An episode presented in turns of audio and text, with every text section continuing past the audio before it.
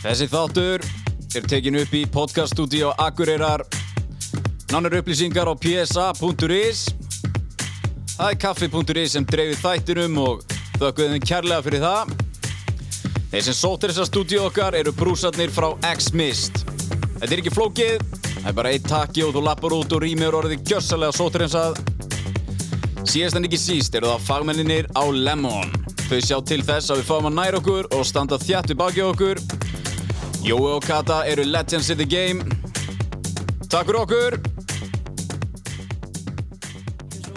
María. ¿Quién diría que me enamoraría aquel día, aquel día?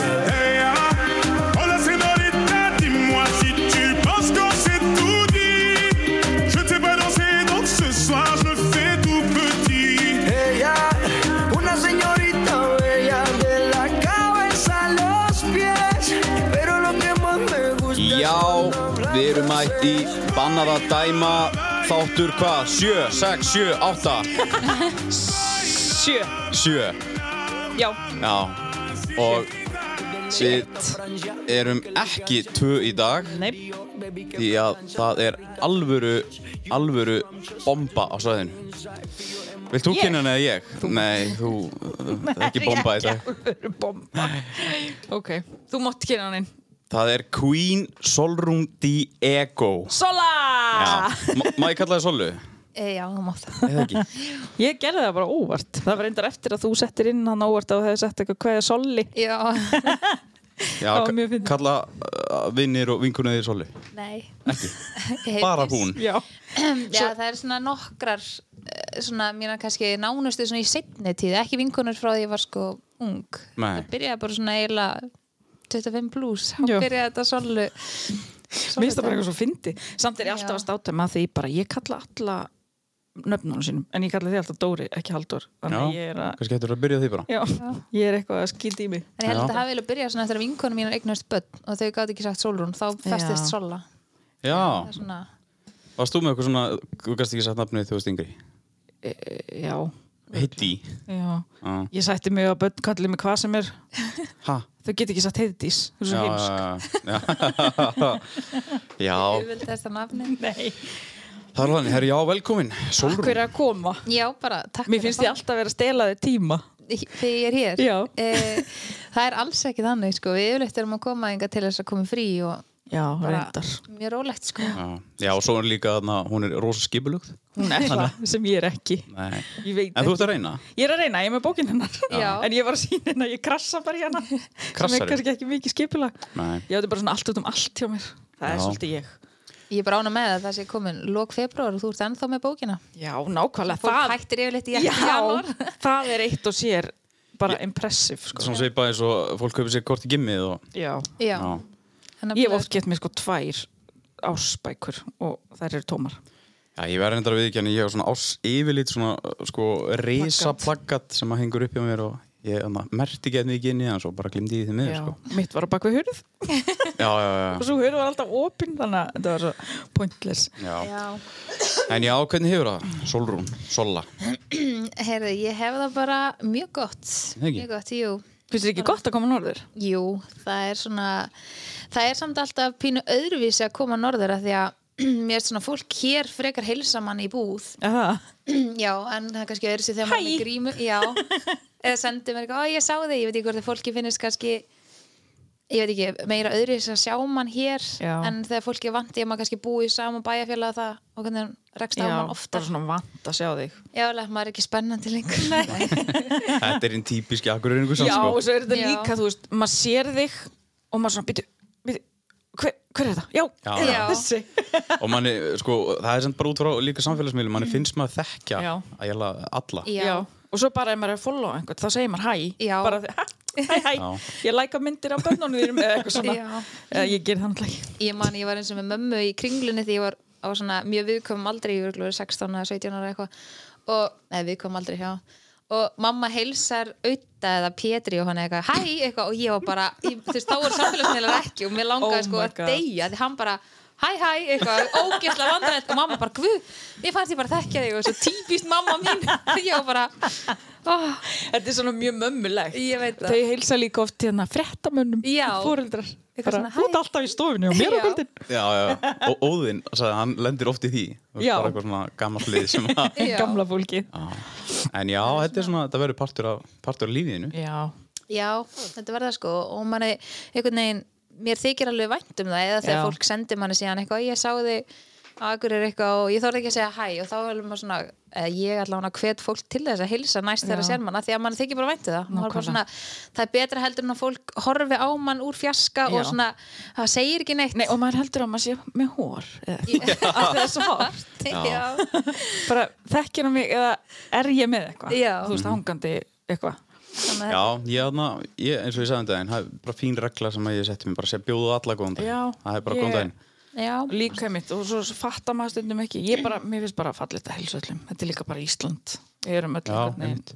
saman Nákvæmlega. í þessu. Já, en af því ég sagði að mér finnst ég vera að stela þið tíma þá áttum við alltaf inni date. Já, við ætlum að hittast um páskana 2019 en það var einmitt verstu páskar sem ég hef upplifað. Þá vorum við eitthvað svona búin að tala um að hittast og fór út að borða, ég var alltaf að senda myndir af einhverju gourmet pizza því við erum pizza lovers. Já. Og hérna, svo ákveða við hittast og ég var á mínum versta tíma. Ég man eftir þessum tíma. er það? Já, Új, ég, þetta var bara, þetta er kortir í meðferð. Þetta er þess að páskarnir 2019 og ég fyrir inn á vog 7. mæ og ég var vakandi þannig einhverju fimm daga eða eitthvað og ég er svona, ég vona að þið sendi sólum mér ekki neitt, ég vona að hún muni bara ekkert eftir mér og ég vona að, hérna, að við hittum bara ekkert. Og svo sendur bara vona að sé allt í lægi eitthvað, mm. heyrið í mér þegar getur Já. og ég bara En byrju, vissið þú hvað var í gangi á henni? Nei, sko, Nei, ég, hitti, ég hitti fyrst við kynnumst hérna þegar Múlan Rús er hérna fyrir norðan, er það ekki 2018? Jú, við kynnum sko, jú, það er 2018 átján þá fer ég þannig sundagerina og er ógeðslega mikið á Snapchat. Já. og þá erst þú að fylgjast með Já. og við byrjum að spjalla og við spjallum alltaf fram á nótt af því að þú varst að vakað við barn og ég bara gæti ekki sofi og þannig kynnust við sem var svo ótrúlega random að ég bara eitthvað, hvað er hún að fylgjast með mér? Ég er trúður og ekki hún. En svo er hún fokking trúður, sko. trúður þannig að við kynnumst þannig og svo hittust við á Amúlarós þegar það var hérna, Kamila kom. Það, var hún ekki í því? jú, Jú, alveg Hún rétt. var að syngja því. Þá djömmuðum við saman. Já, og það var svona fyrst skipti sem við hittum. Veginn alltaf svona eftir það var alltaf svona, voru alltaf eitthvað að, að tala um að, að gera eitthvað, þú veist, þannig að já, og, og hérna, og ég fann það alveg svona, eins og ég, ég hef sagt þér að ég upplýði ekki neyslu Mhm. af því að ég held ég þekkti þið bara ekki nógu vel til þess að eh, var ekki umgangast að við vorum svo fjallaðum samskiptum, Já, eða, þú veist, bara svona í gegnum líka bara ekki svona alveg í insta og láta fyrir sunnan og ég hér þannig að ég Já. náttúrulega náði að fela þetta svona fyrir flestum. En svo veginn svona þegar við vorum að tala um að hittast okkur þá fann ég alveg svona að þér leið bara ekki vel Já. og þess vegna sendi ég að náði að, að hérna, var ég ekki alveg alveg viss. Nei, og svo er mitt sko, þegar maður er búin að kynnast einhvern svona í gegnum samfélagsmiðla eitthvað, þá veit maður ekkert hvort þú dæmi manni eða eitthvað. En þú ert búin að vera minn bara mesti peppari síðan við kynnum sko. Já, bara, ég ætla bara að segja hér mér, mjög þakklátt fyrir því. Já, Þú takk ert búin að hjálpa Sem mér ógislega mikið og ég þóla ekki þegar einhver talar ítlum solu og þá er ég mætt. Nei, og svo, svo er það líka það, þú veist, fólk eru með einhver ákveðna ím, ímynd af, af sólrunu Já. en, en svo, svo eins og með allt annað, þú veist, þetta, þetta er svo stjúpid því að, því að eins og þú segir, bara, bara inn við það, fólk sér alltaf bara þetta front Já. og heldur basically að hún sé bara vélmenni. Það dæmir út frá því það sem maður sér. Já. Já, og sko, skilur svo sem ég var að segja við einhvern áðan, ég bara, já, sko, ég skipa engan, ég bara hratt á Instagram eins og sólurinn, sko, ég bara, ég nenni ekki að horfa á þetta, sko, Nei, en svo, þú veist, en, en svo er svo magnað, því að ég, þegar ég byrja að follow hana, þá var það einmitt að því ég þurfti að vita eitthvað, ég bara, ok, þetta er potið inn á Instagram með sólurinn, þess að ég þarf að vita, og svo bara, þú, svo, einmitt, maður velur bara, veist, ég nenni ekki að horfa því þrýfa barnafett, ég þarf þess ekki. Nei, ég Þannig skilur bara mjög vel, Þú nennir potið ekki að horfa mig dansa á rassinum sko, þannig að ég veit það ekki. Þetta er bara, þetta, ég er samt tala alltaf, þú þarft aldrei að fylgjast með einhverjum. Hvað þá til þess að láta hann byrja þig? Nei, og líka bara að því að ég, ég held að fólk miskil ótrúð mikið þeir sem að kannski elska fylgjast með mér það sem ég er að gera á samfélagsmiðlum eru endil, ekkit endilega típuna sem að elska karakterin sem ég er Nei. eða hittum í partíu til dæmis. Nei. veist, það er nefnilega veist, eh, þetta er bara vinnan mín og partur af því sem ég er að gera veist, mér finnst ekkert gaman að fara með vinkonum mínum í vinnuna skilum, en ég elska vinkonum mínum þetta, er bara, þetta er svolítið þannig Ég veit ekki hversu oft ég hef sagt, þetta er vinnan hennar. Þú veist, Já. Instagram, samfélagsmiðlar er vinnan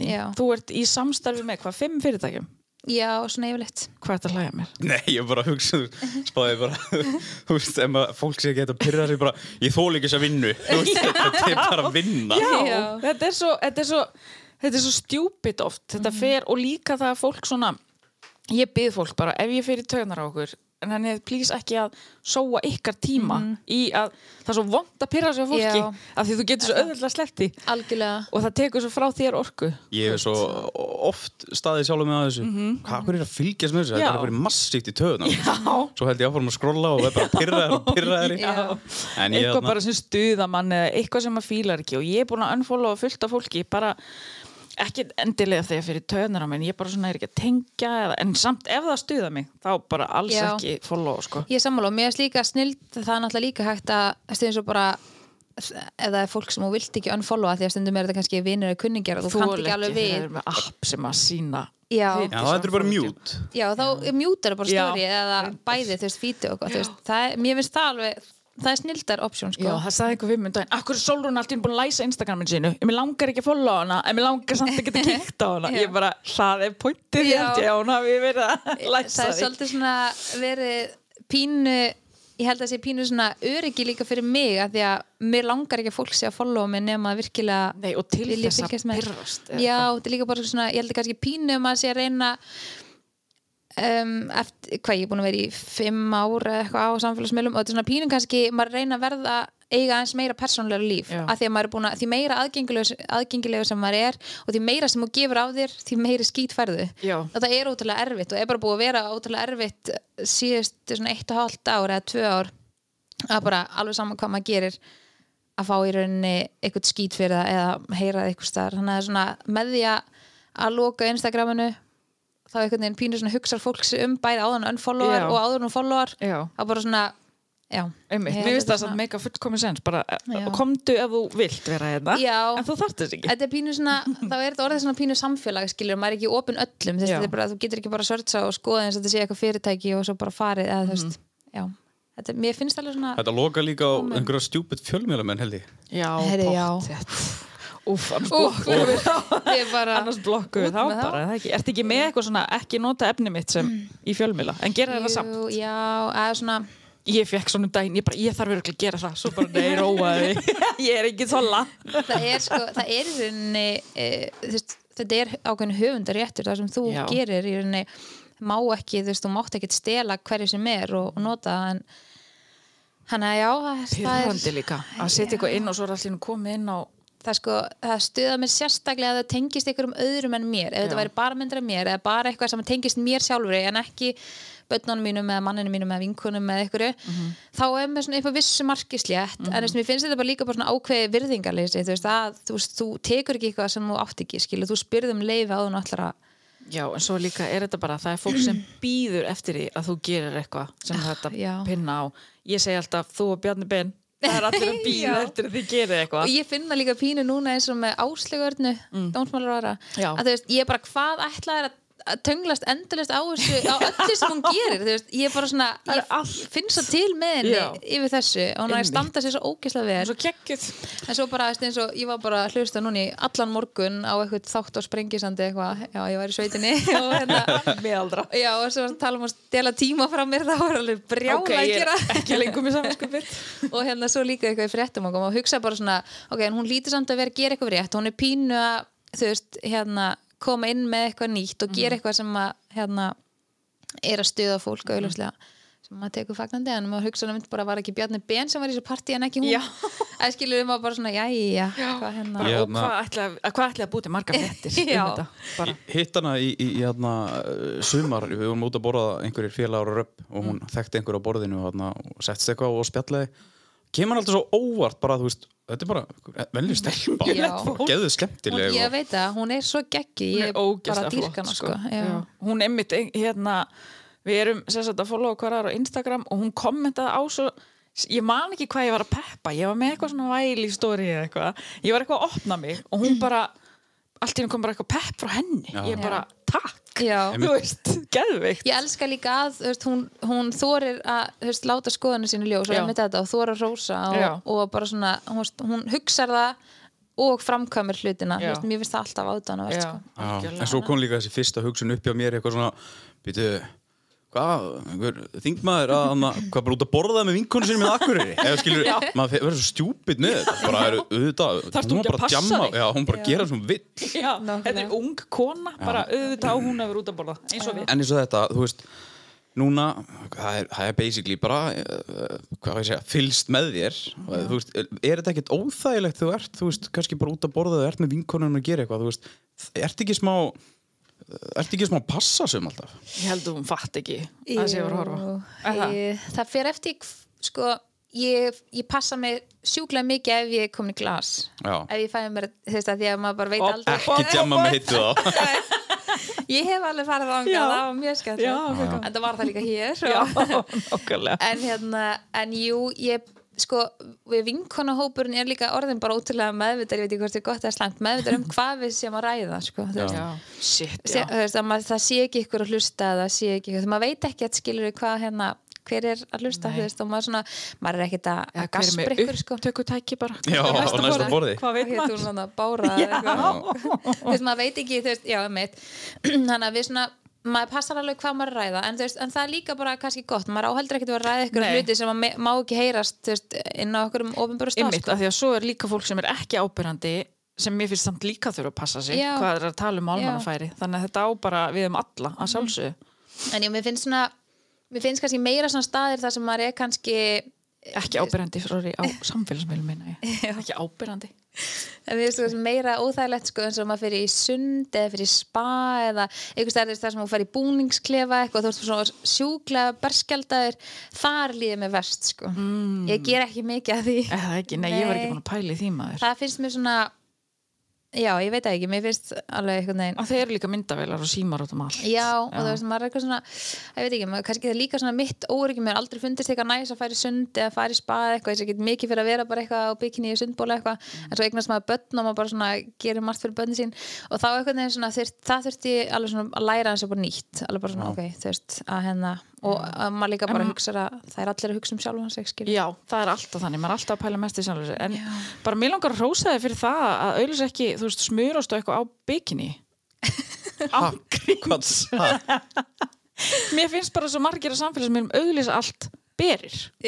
En Sólrún er alltaf Ég auglýsa smurost á bikini. Ég er bara, ég skildi nú sko, hún er í samstæðu með MS Já, já, já, og já. þú veist, sumir myndu gera það á nærfötunum. Já. þú veist, að því að sumir auglýsa allt einhvern veginn finnst mér á nærfötum eða sundfötum. Hei, því að nekt selur. Já, er- en hún Sola mín er ekki að því. Nei, og mér finnst það gegga lol. og þannig er ég dag já, reyndar, þá veit ég að það er eitthvað að gerast sko. en mér finnst það rosalega spes að hérna það er vissulega auðvitað, ég er ekki að tala um svona smurust en þú veist alls konar snirtu verið svona, mér finnst það bara rosalega sérstakt Já. að vera alltaf hálfber. Það er rétt, það selur. En það ég finna, bara þegar ég, ef, þegar ég hef verið að fara til útlanda á ferli að þá alveg hækkar prósendana kallmunum og Já. fylgi og einsta sko, það er alveg allir að býja eftir ykkur um bygginni myndum og einhver strandar Já, stúdíum það? sko. já, já maður, Oh það, fer my alveg, það fer alveg úr veist kannski 12% upp í þú veist, ég held að það fer upp í 21% eða eitthvað þegar við vorum í brúðköpsferðinni kallmenn já, kallmenn og þá erum við hlóið mikið að því að Herrar. Allir að býra allir að fara í En þá líka var maður svo mikið að posta ykkur myndum að sér bara eitthvað í, í sundfötum Já. og okkar og voru mann eitthvað tvær vikur geggjum staðin. Ég get að segja sér bara út af því en alveg fyndi að það hef akkurat svo verið. segi ég þetta, ég var að posta mynda raskatina á mér í Instagram í gær sko. Já, þú veist það selur Já, en ég kom með fullt að lækum Þú ert líka singul. Já, hárið, hárið Skrítið að tvekja barna gift móðir væri að sína posta þessu. Það væri reyndar Þá fyrst er þið eitthvað að skrifa um mig, Já, sko. líka ef það væri svona fyrsta myndin sem að þú myndi posta væri bara eitthvað risastórt tattoo á rassinum á þér en uh, Sola er einmitt með risastórt tattoo á hendinni það eru fjóri púntar Og meira þess að maðurinn minn má sko alveg pínu efinn sem er svo fjóra bústa. sem er mjög fyndið. Nei, ertu viss með þetta? þeir eru svolítið flippu Hann vildi helst ég myndi fá bara þrjá og hann var fjóru full mikið. Hvað þýðir þessi fjóri punktar? Við erum fjögur, já, Já. tvei börn og svo við tvei. Það er mjög krútlegt en ég var einmitt nýbúin að fá mér rísa stórt tattu á læri og þá sendi hún, ég vil líka fá mér. Það var mjög gott, það var mjög gott við erum svolítið ólíkar en mér finnst það Já. ég á svo mikið á svona vinkonur sem eru þú veist, bara eins og erðlalegu vinkonur við getum ekki lusta á sem tónlist við eigum það ekkert sammeildi, ég og Arni við eigum ekkert sammeildi en við erum bestu vinkonur. Svo kemur, þú veist, ég og þú og hérna, mér finnst alltaf svo fyndið þú gerir allt, þú ert svo mikill fagurkeri og það er allt svo fallegt sem þú gerir þú veist, hvernig þú tekur fokkin mynda mat það er fallegt, þú veist, með einhver blóm í bakgrunn og meðan ég bara eitthvað, sjáuði mig og treði grímin á mig, sko, og ég er bara eitthvað svona shit, stundum er ég bara, óh, ég er ekki með þetta, en þú ert með þetta. Nei, en það, það er bara hjartalag Já. Það skilur, fólk, fólk tengist þaðan oftast. Algjörlega, Það er djöfull er það feik skilur ef að fólk tengist út á því það eru eins eða þú já, slattaru já En þess að þú verður eitthvað að fara að binda um einhverja, einhverja konu sem væri geðveitt flúru en væri bara umulega leðileg Væri ekki- bara svo við værum eins Já. já, bara útlitslega það væri mjög En líka þú varst að segja hérna, að ég hef verið til staða fyrir þig og eitthvað. Mhm. Það er svo fyndi að það eru mjög margir sem að halda að ég dæmi sjúklega mikið og sé Já. svona sjúklega stíf típa sko. Já. Að því að ég er það held ég ymmit bara alls ekki. Nei, þú ert það ekki bara- Það er svo fyndið Já, ég er bara með típa sem að bara, þú veist, mér finnst ég ekki geta og það er eitthvað sem að, að maður minn að Frans hefur líka kent mér er ótrúlega mikið að dæmi ekki eitthvað sem að maður þekkir ekki Já. og, veist, og ég hef ekki þekkt að vera í neyslu eða vera á þessum stað og bara svona hvernig get ég dæmt eitthvað? En ég reynir mest eða eftir bestu geta að vera til staðar bara fyrir fólkið mitt heldur Já. en að vera að dæma. Já, Nákvæmlega við rættum þetta í einhverju þættum daginn að veist, við, anna, við tölum um hvað er mikið hræstni í fólki. Já. Já, þú veist, þú hefur ekki verið þarna og ef þú værir þarna, þú myndir ekki vilja að fólk myndi dæma þig fyrir það, Nei, sko. Þannig að, og freka bara vera tilbúin til að hlusta. Já, veist, og hérna og fá að heyra. Og eins og ég skrifaði í info ég var að búið til, já, já, sjátt átt, ég var að búið til bannað að dæma á Facebook síðu fyrir okkur. Já, og hérna, ég skrifaði þar fræðumst, eða sérst podcast um sem það sem við fræðumst á þess að dæma. Mér finnst þetta bara að vera þannig, við erum bara að fá að fræðast. já. og það er fyrir mér, bannað að dæma er það þannig fyrir mér, ég vil bara fá að heyra eins og við vorum með votta í hóaðin í gær. Já, og við hérna við vorum ekkert að þessu til þess að rífast eða vera ósamála, ég var bara í alvörunni hérna til þess að fræðast. Já, og mér finnst það einmitt bara um allar lífsreynslur. Hvað, ég get ekki sett þetta á fólk sko, Nei. Þegar ég veit ekki. Nei, nei, og líka eins og, eins og ég ger, þú veist, við vorum ekkert að spurja eitthvað geðveitt krefjandi spurninga, við vorum ekkert að reyna neglan Eitthvað, heldur af hverju, já, eitthvað. Það er svona sund sem maður vildi vita, já, bara svör. Já, en þetta var, já, þetta var hérna, en svo líka, svo komist það að því bara þegar við spjöllum svo ógislega mikið á tímbili þegar hún var alltaf vakand á nóttunni. Að bara um svona já, bara kynntumst einmitt og þá, og þú veist, svo hefur þú leitað til mín með alls konar hluti og svo bara, ef að ég er með miklu pælingar, þá er ég alltaf heyrðu, má ég aðeins? Þá þarf ég alltaf Já. svona smá bara, Já. já, það er, er skemmtilegt. já, það er ótrúlega skemmtilegt. En bara svo þið vitið, þá dæmir Solrún ekki fólk og hún tekur öllum opnum örmum. Skrýtna heldur það. Já, ég allan að mjög fjölbreyttan hérna vinahóp. Og ég líka, ég, ég líka á mjög mikið að stráka vinum alltaf. Já, ég Mér líka. finnst það svona ég veginn, það var eitt af því sem ég sagði við Frans þegar við byrjum saman að ég er ekki típan sem að hætta að vera vinkona vina Mhm. minna, eitthvað þú veist, ekki, tengist ekki kyni og neitt Nei, nátt, þannig að nákvæmlega Mér finnst þetta gaman að heyra þetta já. Já, ég nefnilega, einhvern veginn, ég veit ekki mér finnst, einhvern veginn, svo vináttur eru bara svo, já sko, það skiptir mann einhvern veginn, skiptir mig engu máli hvað kynu sért, eða þú veist bara að- hvernig þú lítur út eða hvert sem er, hvert sem er, og ég á yfirleitt mjög góða strákavinni Mm. Og eða bara svona vinnir, eins og bara svona besti vinnum minnum búin að vinna alveg síðan við vorum bara börn, ég held að bara frá því við vorum bara níu, tíu ára eitthvað. Og það er mynd svona, og svo líka eins og Binni Löfi þess pappar okkur voru að vinna saman þegar við vorum bara börnum mitt og við erum alveg ennþá sjúklega góði vini í dag. Og það er bara svona en, en svo sem er líka úrst að leðilegt við kannski erum ekkert mikið á almanna færi bara tvö, eða skilju, svo eins og þegar hann var að lausu og maður svona, maður þórið ég líki út af samfélaginu, eða skilju, svo Nei. fljótt að byrja eitthvað sögur, svo fljótt að dæma. Og þá svona erum við sjúklega góði vinir bara svona heyrimst í síma og og líka bara, þú veist, ef það sést á samfélagsmiðlum, þá Já. bara svona býtu, hvað er þau að gera? maður þarf alltaf á að afsaka sig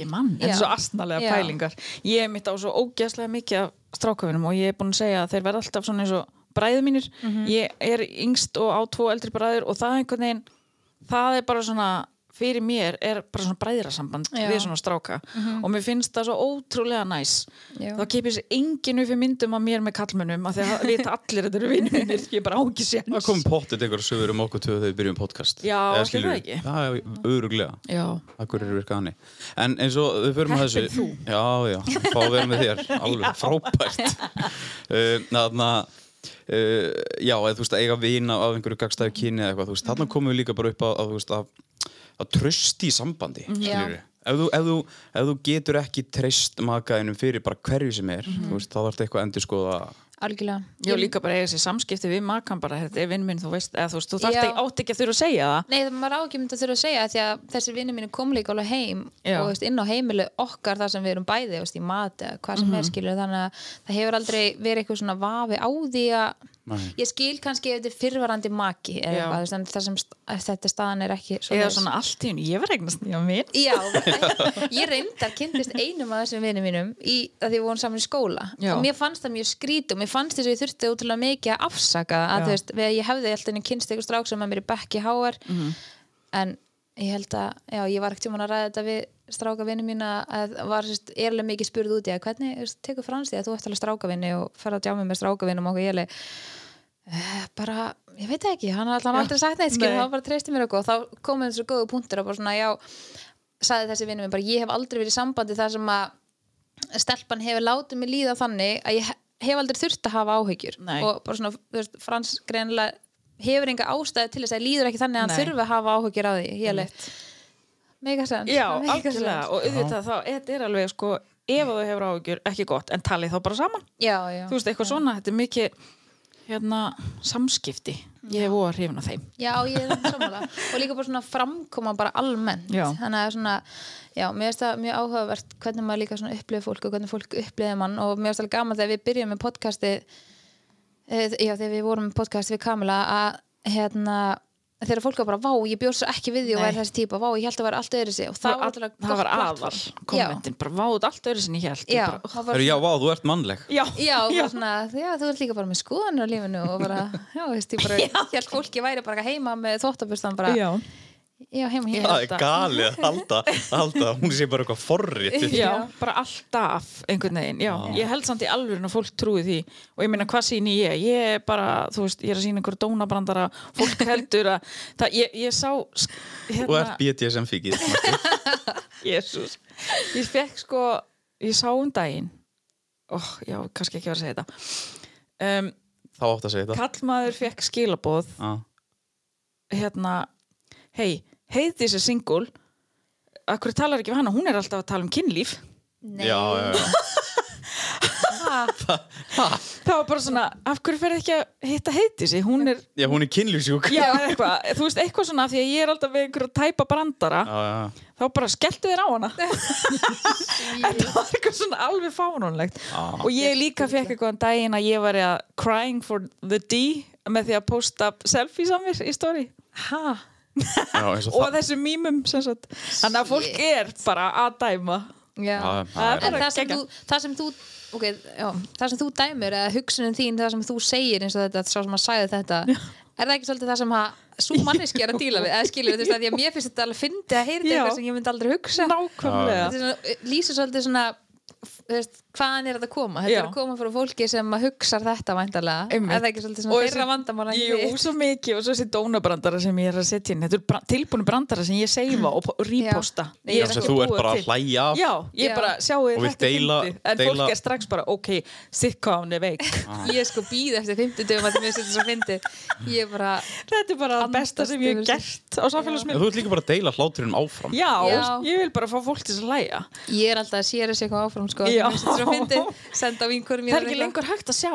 Nei, Finnst þér ekki næs? ég elska það sko. Já, Já. En sko, uh, þú sagðir að hann að þú veist, þú ættir strákavinni og, og þarna uh, ef þú myndir kannski fara þú færi kannski ekkert út í bæ til sem er binna löfi eða eitthvað. Hefur aldrei hugsað bara svona æ, bara fokkit, mér er drullu sama. Ef þú veist, langaðir ekki að jú, þú veist, ég hef vel gert það sko. Já, og vera bara, herðu og það, það kæmi bara eitthvað hellingu upp og þú bara, herðu, já, þú veist, mér er alveg sama. Jú, en fyndið þú skulle tala um þetta því að ég lendi einu í því að þetta var enda já, það var áður en ég átti Maron þetta er svona fjögur ár síðan fjögur, fimm ár og eiginlega svona nýbyrja á samfélagsmiðlum þetta var svona nýbyrja að fólk að fylgst svona rosalega mikið með ykkurum personum og, og bara svona sá þau í daglegu lífi og samfélagsmiðlum. Og ég á mjög góðan vinn sem að drakka ekki á þessum tíma og vorum, ég var mjög mikið að djamma á þessum tíma ég fekk, tók bara eitthvað svona djam tímabil hana og var alveg bara, þú veist, glæðar að hverja helgi inn í bæ, alveg tvö kvöldir rauð og gott að móðir. Já, og hérna og þá kemur sér sett upp var búið að vera eitthvað svona slúður sögur í gangi um að ég var að halda fram hjá Frans og við vorum hægt saman og ég átti að vera búin að taka trúlárhingin af mér og bara alls konar sögur í gangi og eitthvað svona sem að rata eða og devaf og eitthvað sem ég var bara svona ógeðslega þreytt á. Svo bara eitthvað er ég eitthvað á lögataskvöldiðin á BFM og, og svona fer heim alveg á háana tíma og þá var alveg svona e- og þegar ég var að segja hann ég er svona passa alveg svona þegar maður er komin í glas og eitthvað hvað maður er að gera en Já, og ég tók kannski ekki bestu ákvörðuna þarna en þá ringi þessi stífinn minn og byrði hann um að sækja mig.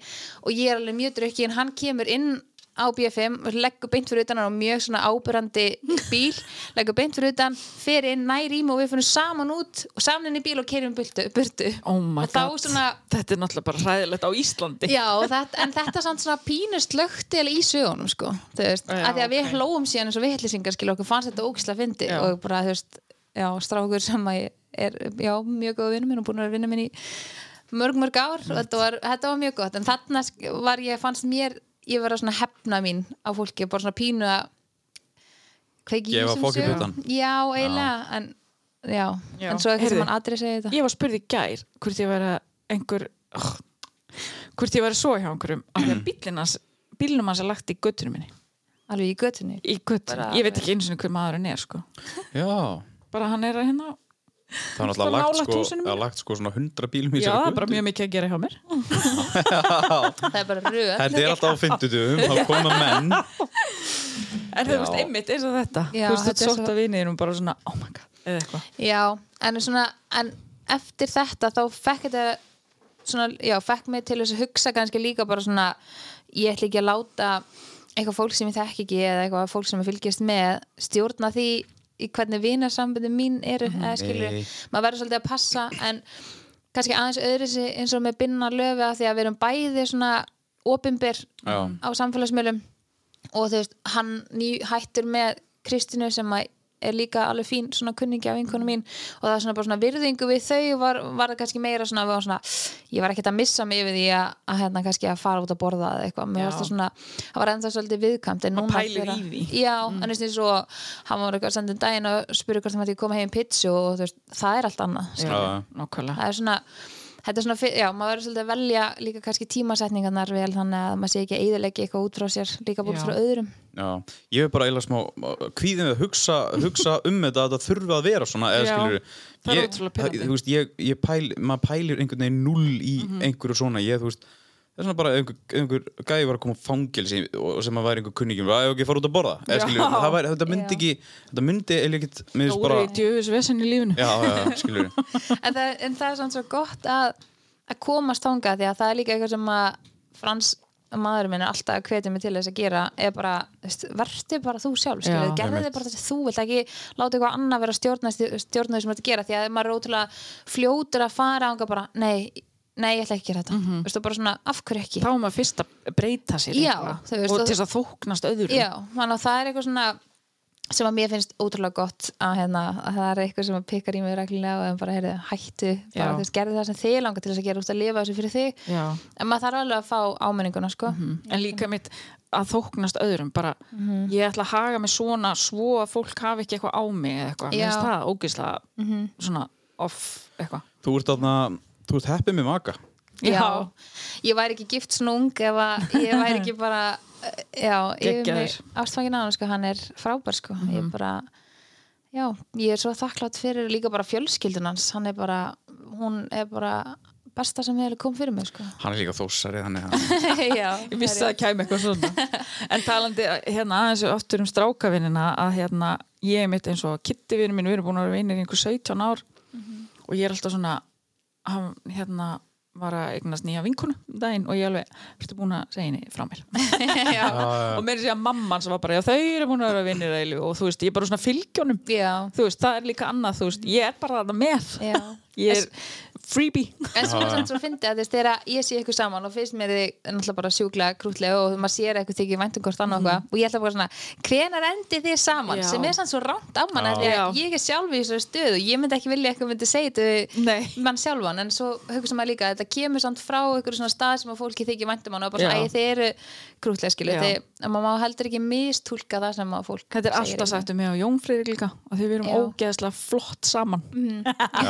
þetta Já. já, já, já. en þá erum við alltaf, en það máli með þá tvo til dæmis, að ég verð einmitt alltaf með þeim, þeir munu fylgja mér út í Já, lífið. já. og við verum gömul saman, en við verum bara ekki að fara þú veist, það er engin þú veist, þetta er bara vinnskapur Já, en þú veist, já, en maður var líka bara þakkláttu fyrir það. Já, ég er bara dyrka það sko, Mhm. ég á svo marga stóra bræðnir Já, en hefur þetta ekkert hefur þetta ekkert haft áhrif á fjölskylduna þína, þú veist, allt þetta?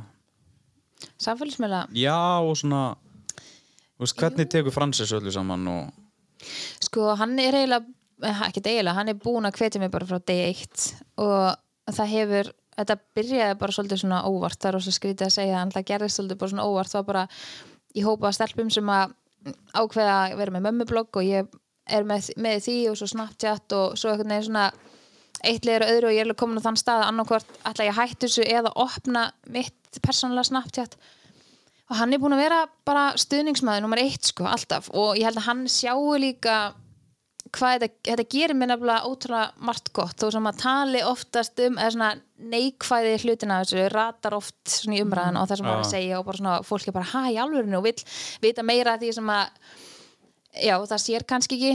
Og þannig að þetta er búið að gera ótrúlega mikið gott fyrir mig sko. Já, að því að ég var alltaf, eða er alveg fyrir eitthvað svona hlédræg, ólíkt heitir sig og hérna svolítið svona kannski ekki tilbaka en ég var ekkit, ég var alltaf með sterkar skoðanir og ákveðin en ég var ekkit rosalega mikið að láta skoðanir mínu ljós.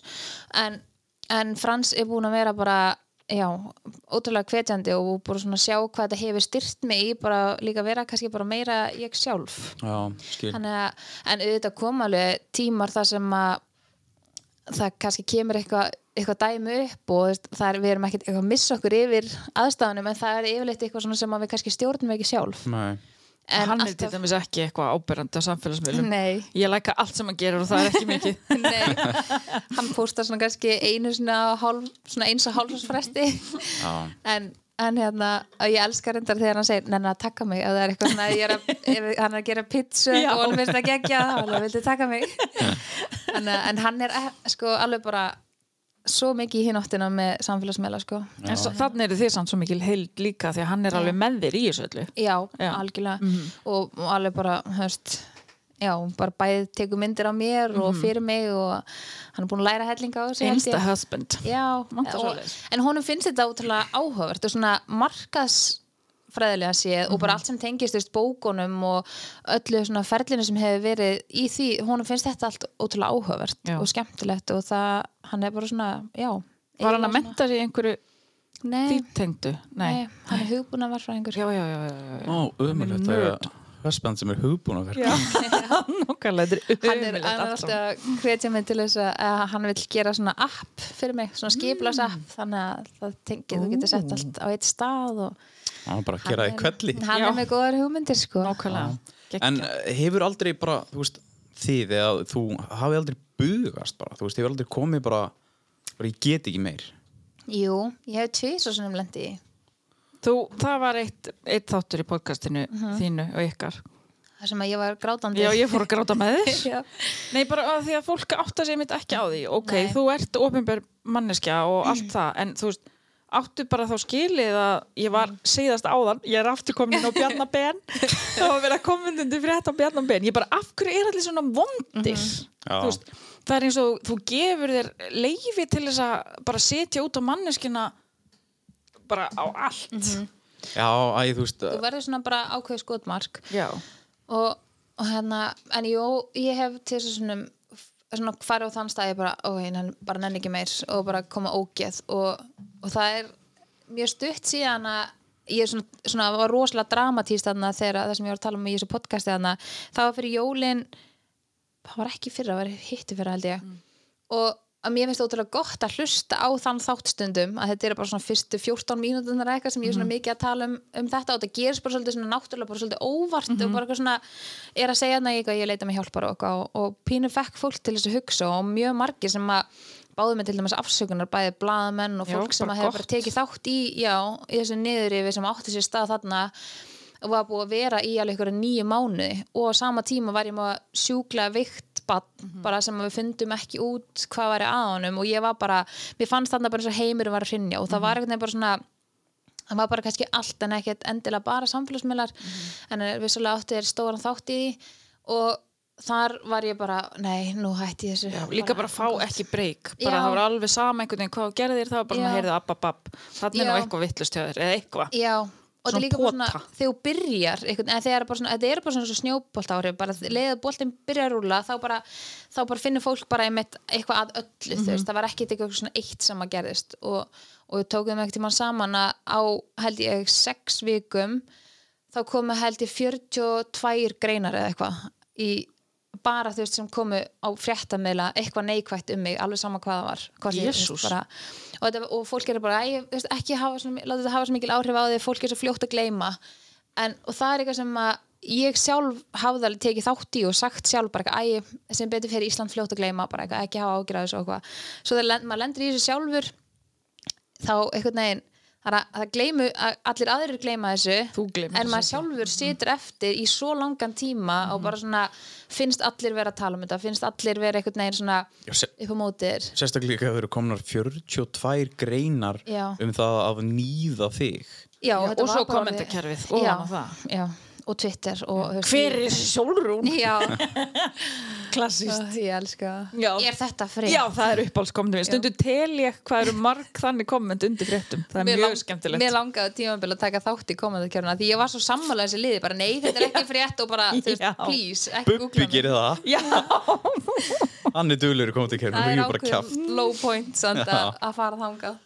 En það er mitt Þetta er það sem að fólk pælir ekki bara er, og ég held að þetta sé ofbáslega mikið á Íslandi og auðvitað bara því að við erum lítil þjóð og allt það en það bara, það gefur sér bara en svo er einmitt við tölum um það hérna með óðunni að fólk er með fake profíla til þess að kommenta undir svona.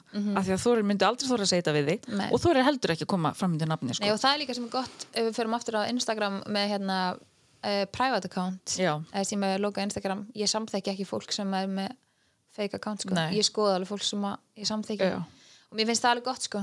og að, þú veist, ég, ég er búin að minka rosalega mikið magn af annarkvort kommentum, þú veist, svona replies á storyið mitt og bara almennum skilabóðum sem er eitthvað sem er neikvægt skilur sem að hef, maður heldur að hafa ekki áhrif á sig en þegar það, það minkar síðan í svona rosalega miklu magni að þá finnum maður hvað þetta hefur mikil áhrif. Mm veist, alveg sama hvort það sé bara eitthvað svona eitthvað sem átti ekki að fara til manns eða bara eitthvað svona óþarfa óþarfa vinsamlegar ábendingar. Já. Maður er bara eitthvað, æ, ég pæli ekki í þessu En færðu mikið neikvætt það hefur alveg minga sko Er það ekki? Jú, og mér finnst líka bara svona þegar maður hefur pínu sett tónin með það að bara að hérna þetta er gott að þegar maður hefur svolítið sett tónin með skilur að tala um þetta mm -hmm. upphátt og hérna- líka einmitt þegar þú kemur bara fram og tjáir þig og bara, þú Já. veist, talar já, hérna segir þína skoðun og svona Mhm. alls konar. Ég held að fólk einmitt þá svona bara, heyrðu, já ég ætla aðeins að kannski bera meiri virðingu fyrir manneskinu og bakveðinan ká Já, og líka bara, veist, bara fyrir öll, veist, ekkert endilega bara ofibæri fólki heldur bara öllum, þú veist, þú veist ekkert hvað fólk er að gangi í gegnum eða hvað fólk er að díla við, sko. Þannig að, já, mér finnst þetta að hafa minga, sko. Og langt síðan að hafa verið eitthvað En hvernig, þú veist, eins og í svona ferli, þú veist, hvernig leitar þér hjálpar og hvað gerur, þú veist, hvað já, hvernig heldur þið bara sein? Úf, ég held ég sé það ekki, þannig að ekki spyrja mig. Nei. jú, hérna uh, ég fór til sálfræðings en ég átti mjög erfitt með að fara til sálfræðings. Um, aðalega út af því að mér fannst ótrúlega ég held að margir tengi við það þegar þú fættir sálfræðings, þú ert ekki vanur að vera hjá sálfræðingi að ég var svo hrættum að hún myndi ekki vita hvað hún ætti að segja. Þegar ég var bara eitthvað, það var bara eitthvað random kona að senda mér skilabóð og var bara hreiniðum og ég var, margt sem ég sagði við hana sálfræðingin, sem ég sá mér fannst bara skín úr augunum á henni bara, já, bara veist, þetta er bara og hún sagði á, á einum tímabúndi sagði hún bara, þetta er bara raunveruleikin þinn bara þú veist, því ég var bara en þú veist, hún var alveg svona pínu að gera mér það ljóst líka að þú veist, þetta væri val, það er val að vera á svona stað. Og hún Já. basically bara af hverju ertu þarna ef þér líður svona? Já. og þá var ég alveg ég veit það ekki. En líka því að þetta, þú veist, það er einmitt eins og ég talaði með fyrirtæki, ef maður fekk eitt neikvætt komment um lélega þjónustu eða eitthvað, á móti 700 þökkum, þá bara svona, uff, af hverju er ég þessu? Þannig að bara nærmanni. já, sérstaklega En samt vil maður ekki hætta að, ég er reyndar hætti. En, En þannig ertu líka eitthvað að gera eitthvað ókslega persónulegt og finnst þú vera að standa í ótrúlega vel og það er bara einhvern veginn með alla gaggrinni ekkert bara, veist, það er líka bara stíð vinnu eða alveg saman hvað það að gera öll gaggrinni það er alltaf erfitt að fá gaggrinni á sig Já. þegar mann finnst maður vera að leggja hérna, mikið á sig eða Mhm. mann finnst maður vera að gera vel en já, ég fór til sálfræðings og ég var hjá hann alveg mjög lengi sko, ekkert bara út af þessu, þetta var bara svona margt sem að já, ég þurfti að leita mig hjálpar með sem ég var ekki búin að gera lengi Nei. og mér fannst það mjög frelsandi og mér fannst það hjálpa mér virkilega mikið og það styrti mig bara gríðarlega mikið líka bara í því sem að ég er að gera og það er mitt þessi þú veist, verkefni sem hún let mig gera og komment sem hún kom með og bara þú veist, þú ert að gera þetta af frjálsum vilja mm veist, bara af hverja staðis og þá fekk ég mig líka til að hugsa ok, get ég gert eitthvað öðruvísi í því sem ég er að gera og reynda að koma í veg fyrir akkurat þennan árakstur Já. en það er mitt, maður þarf stundur bara að sittast niður með einhverjum algjörlega, þú veist, Já. null mannesku uh, hérna, sem að, já, bara utanakomandi og bara ræða þessa hluti. Maður þarf bara að koma sér frá sér. Segi þetta líka bara svona pínu uppátt ekki bara við fólki sem að maður kannski van, veist, vanur að segja þetta við vinkonur og, og maka og eitthvað. Og maður færi einhvern veginn alltaf bara, veist, fólki er bara til staðar fyrir mann, það veit kannski ekki almennilega hvað það er að segja. Nei, nei. og En þú varst samt alveg bara, þið fannst hún ekki fara að hafa neinn svör og þú varst alveg að fara að segja þetta er alltaf lagi, þú, ég veit þú veist ekki já, að ég, segja. ég var líka bara, ég er búin að borga fyrir tíman sko, þetta er alveg, ég er ekki En, alveg s- en svo er svo gott líka, þú veist, það, þú veist, sálfræðingur, hann líka bara getur látið mann hafa svo mikið af tólum til Já. þess að, þú veist, það er svo margir sem halda bara, þú veist, að ég er verið til sálfræðings og þú sér bara hún eitthvað snar skilur Og þurfur alltaf að fara bara þá, þegar allt er búið, sko. Mér fannst nefnilega ótrúlega góði punktur sem að ykkur sem ég man ekki, ég veit ekki, get ekki gefið kredit fyrir það, sagði við mig að bara þú fer með bílinn í smurningu og fer með bílinn í skoðun, þú fer ekki alltaf bara með hann á verstaði þannig orðin bílaðir þú verður að leita þér líka aðstöðar bara til þess að viðhalda bara lífininu og ég, þá er ég alveg svona já, eitthvað sem mikið sens en þú veist, hún útskrifaði mig síðan á okkur tíumbúndi en ég er alveg bara svona ok, en á hvaða stað þar ég samt að vera komin til þess að þurfa að fara aftur skilur, Já. það Já, fekk mér já. samt svona pínu aftur byrjunarreitt en í staðin bara ég, er ég búin að vinna bara sjúklega mikið sjálfur mér, bara búin að bara taka ótrúlega margt í gegn hjá mér og mér finnst alveg gaman að þú veist þegar að vinkonu mínar og þú veist, eins og mamma og Frans og eitthvað svona segja mér bara, "Vá, ég finna ótrúlega mikið mun á þér. Bara þú veist, þú ert alveg búin að vera að gera eitthvað rétt þú veist, þér líður betur og þú veist, þú bara svona lítur betur út og hugsa betur um sjálfa þig og, og þá er það svona, já, og það svona hefur verið svolítið mín kvartning eftir ég klára þetta sálfræði hérna, þennan sálfræði pakka það var svona að ég ætlaði ekki að hætta samt að vinna í sjálfur mér þó að ég væri útskrifuð frá nei. Þetta er endalust þau- þú veist, ég hef verið, á sálfræðingu og kannski hef verið útskrifaður mér langaði ekkert. Nei. Mér mér bara geðveitt Ég hef margt annað að segja. Já, Já. og bara, þú veist, spjalla og, og bara frá fyrsta degi, bara fyrsta tíma og tengdi ég bara strax við gæjan. Já, og, þarna, og bara gætt sagt, sagt allt. Mhm. þetta er bara einhver kall fyrir sunnan sem að, þú veist, ég fyrir gegnum Cara Connect já, sem bara fjárfundar Mhm. eða svona, og, og maður bara bara saði bara allt. Og, og það er svo þægilegt og þú veist, einhver hluti sem ég myndi ekkert endilega segja við að, veist, aðra. Nei og bara svona alls konar pælingar og líka bara hvernig maður vil taka á hlutum og, og þú veist, jafnvel bara tala um það hvernig maður tók á hlutum var ég að gera rétt á ég að breyta einhverju, þú veist, að því maður getur alltaf bætt sig og Já. maður getur alltaf komið tilbaka Já. og beðið afsökunar eða svona, heyrðu, þetta var ekki rétt fyrir mér mér finnst allavega hana mér finnst allavega rosalega gott að hafa að líta þannig á mig að ég megi það, Já. þú veist ef ég ger eitthvað vittlust og eða, líka bara, þú veist, að hann kannski segi við bara, hefur spáðið að að gera þetta kannski svona Já. og bara, uh, nei, ég reyndar ekki Já. gert það. Bara sem að bara meika bara miklu meiri sens Já. Já, mér fannst þeim eitt líka bara þegar maður kemur síðan til sálfræðing svo ert með eitthvað ákveðið topic kannski sem þið langar til þess að ræða og ég fór aðna með því hugafari að tala um þau samfélagsmiðla og Já. bara þetta, þú veist, bara áreiti og bara, mér fannst ég bara, var sem ég bara leitað til sálfræðingi sem gæti aðstafum bara með kulnun í starfi, þú veist, ég bara hvernig á ég að leita skilur, hvað, hérna, að því er oft sérhæfis í ykkur og svona. Og að því að ég hafði þess að ég þekki alveg pammin eða ekki neitt, eða blóðpammin og, og það hefur alltaf setið rosalega mikið í mér en ég gerði mig kannski grein fyrir því hversu mikil áhrif það hafði á mig.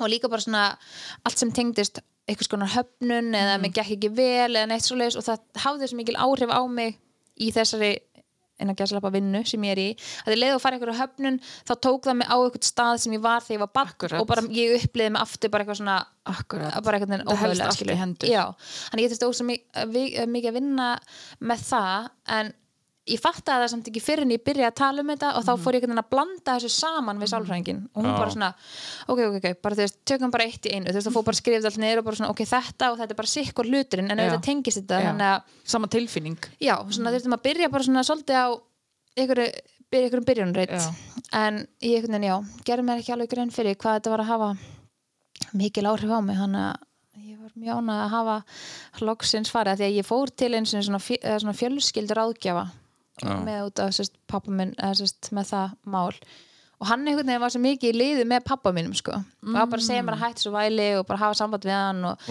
bara að væri blóðtengsl og ég væri bara eitthvað gelgja sem að Vá. veist, ætti ekki rétt á mínum tilfinningum að því ég var svo ung og eitthvað en Ok. enn þetta í dag, þú veist, tíu árum setna er ég ennþá með sömu, þú veist, á sama stað og bara ákveðin á mínu, sko þannig að það litaði útrúlega mikið skoðanum mínir þann, uh, skoðanum mínar þannig að, að því þú ert að segja þú tengdist sálfræðingum strax Einmitt.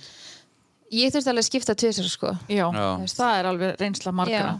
að prófa Já. sem er ógeðslega erfitt og líjandi líka. Þurfa Já. alltaf að vera að segja það sama við nokkra þangur til að finnur einhvern. Og líka bara ókslega mikill kostnaður. Já. ég var alveg bara svona, er ég að fara að eyða öðrum veist, átjónskalli í að fara okkur annan Svo er það annað dæmi sko, hvað þetta er fokkin dýrt. Já. því miður. En svo einhvern veginn já, verður maður samt líka að hugsa bara veist, hvað er ég tilbúin til þess að veist, hver er tilbúin til þess að fórna fyrir heilsuna mína? Þú veist, ég hugsaði það ekki þá en í dag er ég bara hvetja fólk 100% til þess að, Algjörlega. að gera það sko. En svo líka í, í svona ferli, þú veist, þegar það er eitthvað í gangi eða það er eitthvað, eitthvað mikið í gangi í lífinu svo er þetta bara oft bara hræðsla. Maður er bara Já. hræddur.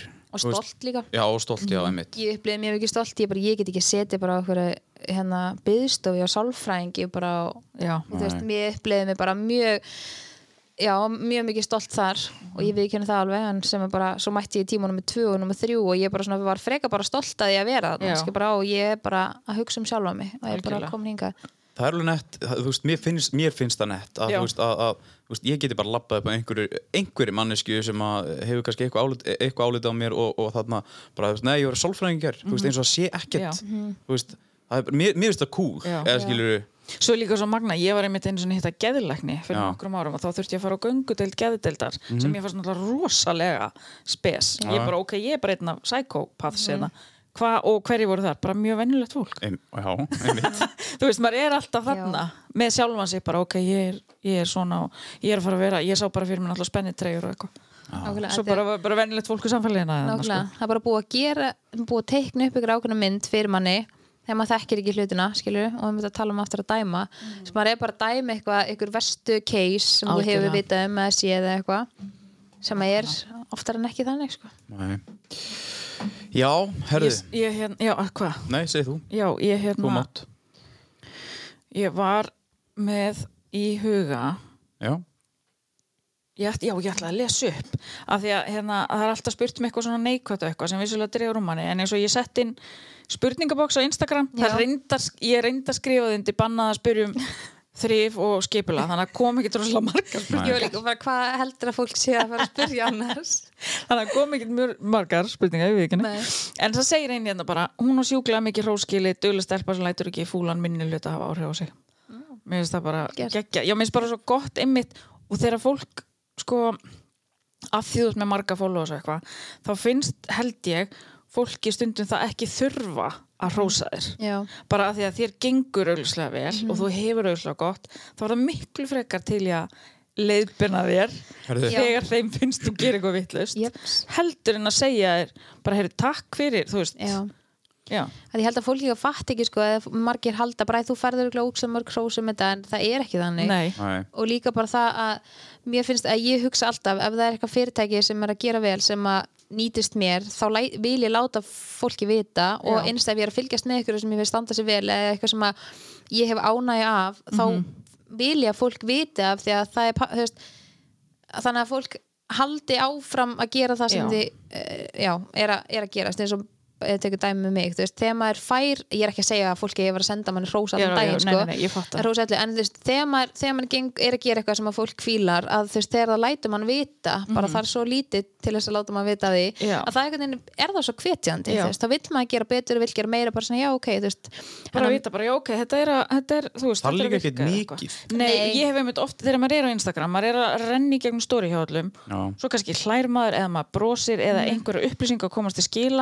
virka þegar Mhm. maður áfram bara að skipa og skipa og skipa eða eitthvað, þá fer ég stundum tilbaka bara hei, takk, eða eitthvað bara svona, Já. ef ég er að hugsa það, þá bara af hverju ekki að segja það Mhm. við viðkomandi þetta er mitt, eitt af því sem að ég tók til mín þegar ég fór að vinna svona mikið í sjálfur mér er þetta er mitt, þess að ég skrifaði niður hvað skiptir mig máli og líka bara það veist, það gerir svo mikið fyrir mig að rósa öðrum það er Já. bara er ákveð hrós fyrir sjálfa mig að geta Algjörlega. rósa öðrum og það lætur mér líða útrúlega vel að geta rósa ykkurum þannig að mér finnst það líka svolítið oft gleymast og það er margir sem að þú er ekki að rósa ég er bara svona en þú ert að gera svo mikið fyrir sjálfa þig óháð því hvað þú, hverjum þú ert að rósa Já. eða þú veist, hvað þú segir. Þú ert líka bara á góðum stað Já. ef þú, ef þú ert sífælt að rósa fólki já, sko. Og líði þig greinlega vel sko. Já. deila með þér og eitthvað Ég, þarna, ég sendi á hugin tónlistamannum daginn, hann var að gefa lag sem heitir Geimvera mm.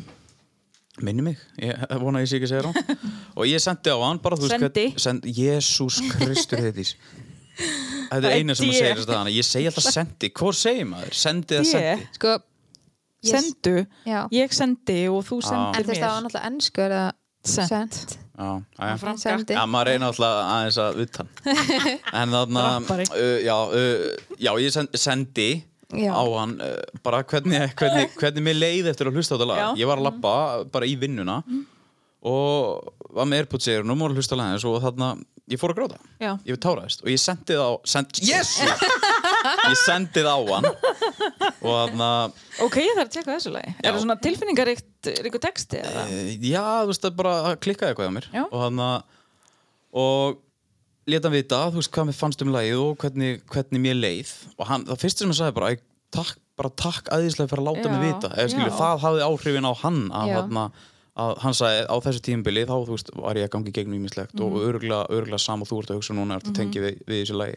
Einmitt. þannig að þú veist, það var bara það, bara takk fyrir að láta mig vita þessu. Já, og svo Hvernig þér líka einmitt þegar maður er svona þú hefur kannski sagt mér þetta Já, og þú veist, svo tölum við um þetta okkar á milli en hann fær ekki að heyra Nei, einmitt, einmitt. þannig að það er alltaf bara svona láttu fólki vita. Já, það er einmitt oft sem að þegar að síðan fólk lendir á einhverjum vegg eða á einhverjum stað sem að er kannski á ég einhverjum erfuleikum og, og deilið því síðan áfram að því kemur alveg fyrir að maður setur eitthvað í stóri kannski svolítið eftir á bara að þetta er búið að vera aðstæðnar en þú veist bara já, maður er að upplýsa fólk í rauninni að því maður veit ekki bara sína góðu hlutin eða hliðina. Og þá fær maður sko bara endalist kannski bara það mikið magna skilabóðum og uppbyggilum skilabóðum og hrósum og hvað sem að maður kannski næri ekki komast yfir. Og þá segja ég mitt margi bara, vá, við vinkonum erum alltaf að tala um hvað þetta frábær og, jari, jari. og maður bara svona, æ, og maður þykir útla væntu Já. það, en maður hugsa samt já, ok, þú veist, það er útrúlega fallegt að því að maður heldur einhvern veginn að vinkonhópar séu yfirleitt bara baktala mann sko já, já en, en hérna, já, einhvern veginn er frekar að gera þetta í rauntíma að láta fólki í rauninni vita það aðdáunarvert. Geimfar, Geimfar. ekki Geimvera okay.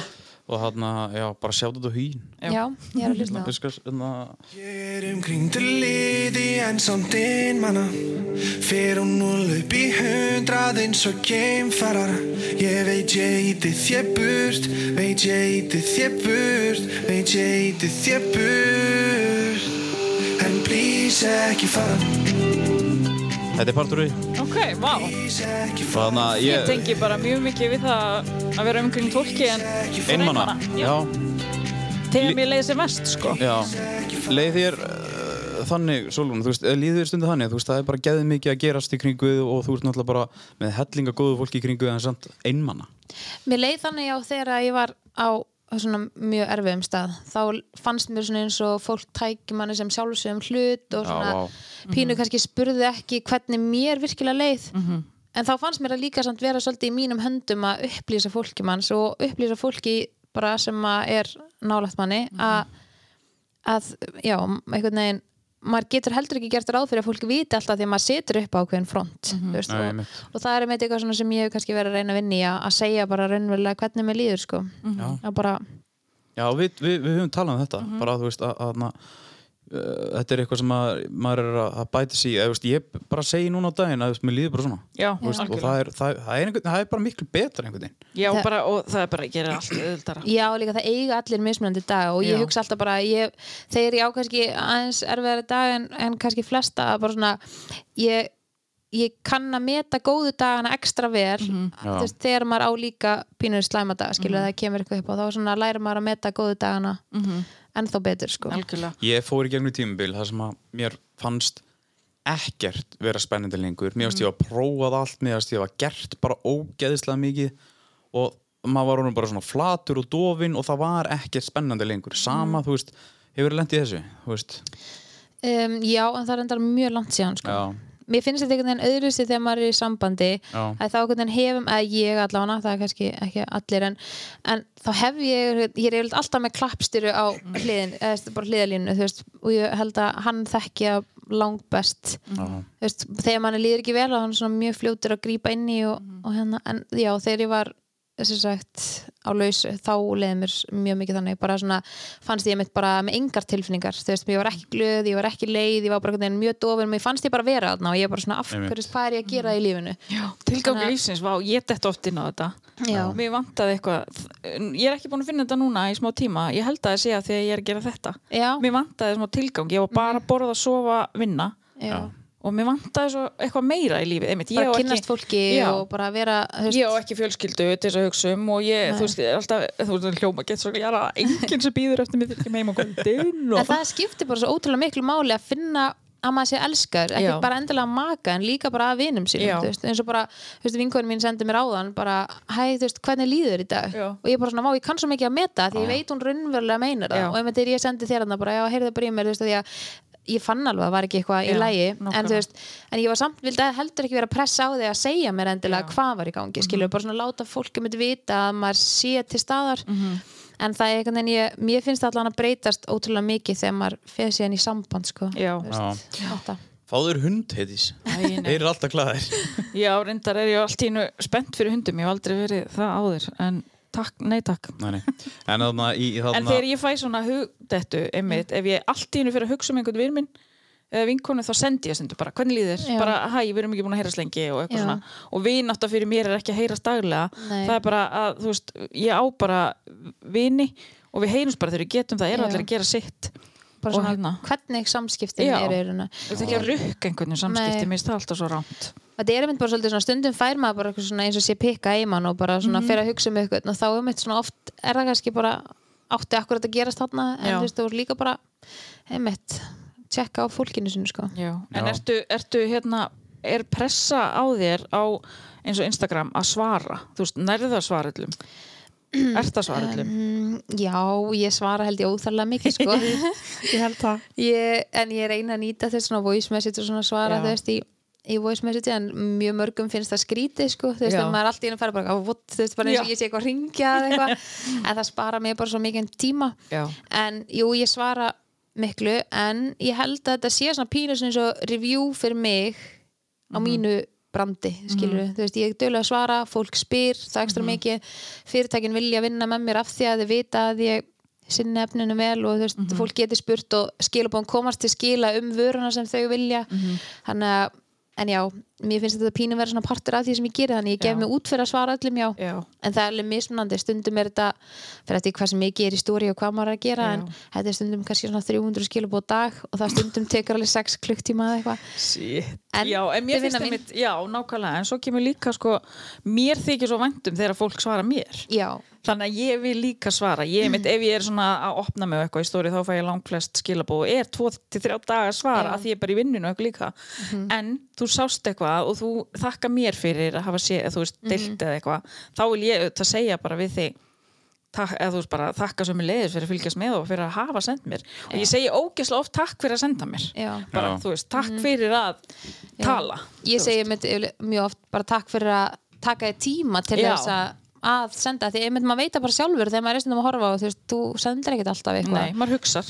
Já, þannig að Já, en mér finnst líka gaman eins og við varum að tala um samskipti á hann og svona virðingu, mér finnst alveg virðingavert þegar fólk sendir mér Mhm. og sérstaklega ef það spyr og vill fá svar. En þú veist, ef fólk er að spyrja um eitthvað sem er síðan í stóri þá svara ég ekkert endilega skilja því að þá býst ég við að fólk sjáu það. að Hvar finnst þið þetta? Kemur það næsta.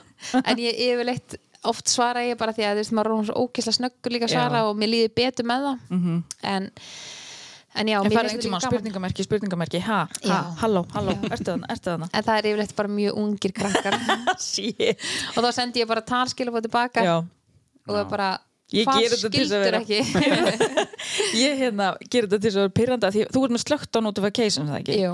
Já, þannig að stundum er ég bara að koma mér efst hjá þér, ég bara halló, halló, halló Halló, ég borðaði kíló sem smurostóna Mér er illt í maðanum, hvað á ég gera? Hvað að gera Já, Herðu, við ætlum að vinda okkur í uppkeisluna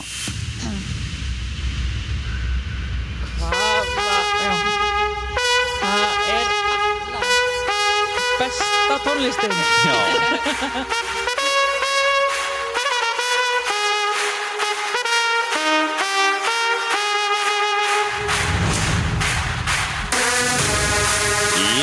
Ég er að segja ykkur það. Það er sól úti og gott viður Það er bjartar við fólki og fólk er að lifna við aftur. Það er að komast bara reyfing á samfélagið og tímandir er að breytast. Ég lof ykkur, ég lof ykkur. Þetta er alltaf að vera betra Ég fór á fótboltaleik í gær og, og það voru áhörundur og tjóðlega það gaman að sjá okkur áhörundur á, á fótboltaleik. Fólk. Já, ég tók svo eitt rúti gegnum bæin í gær. Bæri var stappaður. Þannig að þetta er allt að gerast Og, og ég lof ykkur samfélagi að lifna við. Þetta er uppgæslan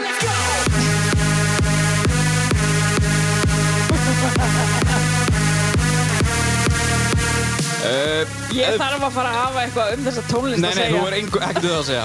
Uh, Ef þú fyrst þú verður út um allt Þá skottastu bara út í búð og, og, og verslaðu skipulag eftir hann sólurinu Gáttu lífinu inn á eitt stað Það er svona tíu svona betra að vera skipulagur Og það hjálpa líka streitunni og, og ósjálfra kvíðanum helling. Sálfræðingur minn bendi mér þetta. Það er þetta hárið A- Hafa þetta á einu stað. Ég held ég þurfi samt ADHD-lif og svo skipulag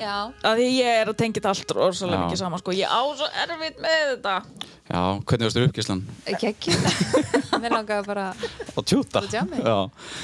Herru, já, Uppgæslan er í bóði Hallarinnar á hérna Ólusveri Ólusveri, já. Bara pítsur og þristamús á líðin þar. Já, stóru pítsunar Stóru pítsunar En ég vil bara að fólk færi þanga í, á hérna sundarsrúndinu sínum og tjekkja á góðu mat annar staðar en alltaf það sama. Veistu hvað ég gerði gær? Hvað?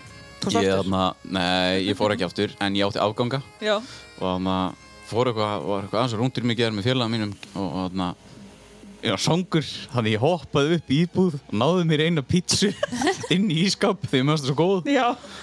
Og hámaði hann í mig og fór aftur niður hann beði bara í bílnum. Nei, gastar hann ekki með þér? nei, nei, nei, nei, ég týndi ekki. Herri, já, Þetta er eftir 93 mótilega já, já akkurri Nei, bara spáði með rúndinn og heimi pizza Já, þannig að ég upplifði smá, þetta er náttúrulega allt dögt, Já. Uh, rúndurinn. Uh, Þetta er svo skemmtilegur. Já, Já, við ætlum að fara yfir í hrósvikunar. Já. Uh, vilt þú byrja? Sko, mér langar náttúrulega bara að hrósa solu minni. Já. bara fyrir að í alvörunni að því þetta er vinnaðinn að þú veist, standa þig svona vel taka þessu öllu og passa upp á sjálfa þig. Mér finnst þú geggjuð, ég er ógisla, ógisla stolt að þér. Og einmitt þetta var, þegar ég nefndi það nafn hérna í fyrsta skipti þá var þetta svona svona neymdropp að þekka þig og hann gerði mikið grín á mér. Jú, maður ekki í sólunu. en það, það stundu finnst mér þess að ég þurfa að útskýra að við séum vinkonur að því við erum svart og hvít en það er það besta. Mér finnst það svo skemmtilegt. Já, það er aðeinslegt og mér langar að hérna rósa öllu fólki sem að, einmitt, er ábyrjandi í samfélaginu og þarf bara að taka helling bara á kassan fyrir það. Já. og svo fær, já, ber, fær bara skít ég þóli það ekki, mér finnst Já. það bara svo leiðilegt að þetta er svo mikill óþarfi. Það sem þú skrifar í kommentarkerfin þetta, þú veist, hugsaða áður og nýtur endur bara, gerir þetta eitthvað gott? Já, er, er þetta til einhvers? Bara, ert að gera, þú veist, ert að ert að gera eitthvað gott með þessu. Bara getum við please verið jákvæðari og Já. borið meiri virðingu fyrir fólki? Líka bara allt sem hún segir og skrifar hefur afleggingar Já, Já, hugsa út í það, ég, hró, fólk. ég vil rósa fólki sem, sem rósar Já, það er flott, þannig við hrósum þér. Uh, Solrún, uh, langar hrósingurum Herði, já. Um, Ég var búin að hugsa að svona fyrsta sem kom upp í hugun á mér var heitis tilbaka til þín. Þeir eru svo Við erum grút Þetta er mjög klísukjönd að ég veist ekki að þú myndir rosa mér en, en hérna bara fyrir líka að taka skrifa og vera með hann þátt að því að mér veist að maður sér bara hvað finnst þetta skemmtilegt og bara svona lifnar aðeins yfir bara með þetta allt saman og þú veist, kynast nýju fólki og tala um fólk og svona.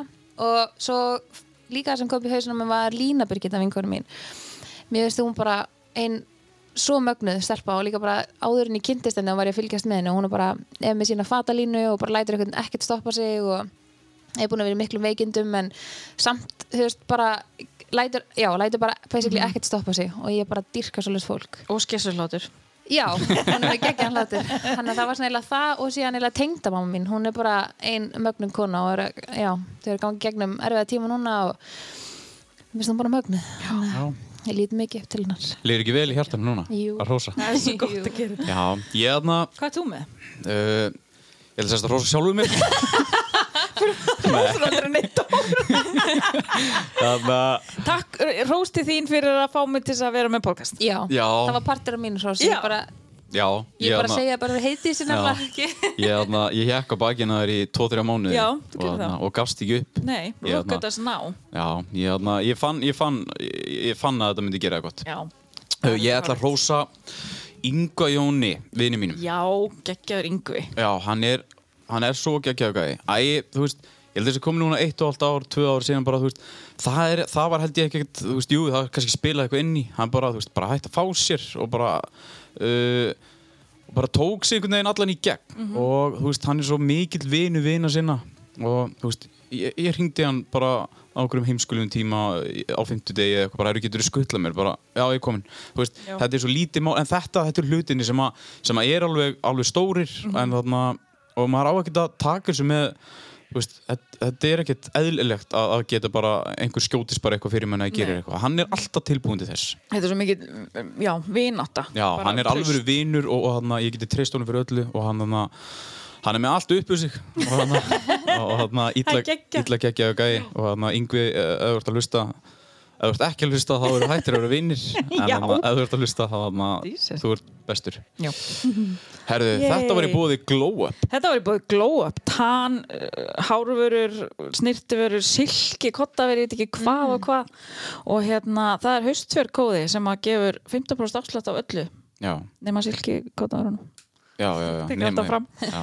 En það er bara, já, það er, hérna, þetta eru fyrstu tveir samstarfsaðilar þáttarins, sko, hvað segir maður? þáttarins, þáttarins Já, þa bara þáttarins, já, já, sest, já okkar. já, okkar bannað Já, dæma já banna að dæma. Þannig að Ég sað mjög- sjálftir með einhverja kostundur hann eða Já, þannig að ég er mjög glöð með þessar, þessar skvísur. Já, hvernig ætlar að, mér langar í eitthvað brungukremi Já, við græm það. Já, no. Eða ekki? Jú, frá glow up, ég mælu með því, það er gekkja. Herri, já, já, hvað þarna, hvað var spilum meira? Ég- Ég var komin hérna á þetta, hérna, pressa um svar og svo hérna stoppuð í búðum. Já, ertu aldrei beðin um mynd? ekki eftir COVID, það er komið áspása núna Já, mér fannst það Það allt svo þorir fyndið. enginn. Súrealískasta sem ég hef lendi í var að ég var að keira heim frá Reykjavík og stoppa á Blöndósi til að fá mér að borða eitthvað það voru svona tíu ára stelpur sem bara mynd með mér, ég alveg af hverju hvernig Það er grútlegt. Það er mjög grútlegt, en mér fannst það samt svona ægi, ekki þið vera að horfa á mig. Það, það, það var áður en ég var eitthvað hvað er súrealískasta svona sem þú er lendi? Úf, ég lendir endur í ógæslega að finna sögu eh, nei, að, hérna, fyndin saga mjög steikt atvik í hérna yfir leifstu. Þá vorum við Kamila að fara til LA og ég var fyrir fyrsta skiptið til bandaríkina og e, við erum að lappa í gegnum hana hliði sem að þarf að fara aftur í gegnum eitthvað svona vegabrjöst að hann að fer til bandaríkina eitthvað. Ég er bara að fara í nokkuð sinnum hana, ekki ofta. Og ég er eitthvað eins og út úr hóla því að ég var eitthvað vesen með vegabriðið mitt það sést ykkur Erlendis hefur falsa vegabrif og nota mitt númer. Þannig að veist þegar ég set vegabriðið mitt þá kemur þessu ég sem er falsaðan passa. Jú, og það var mjög heppileg tímasetning.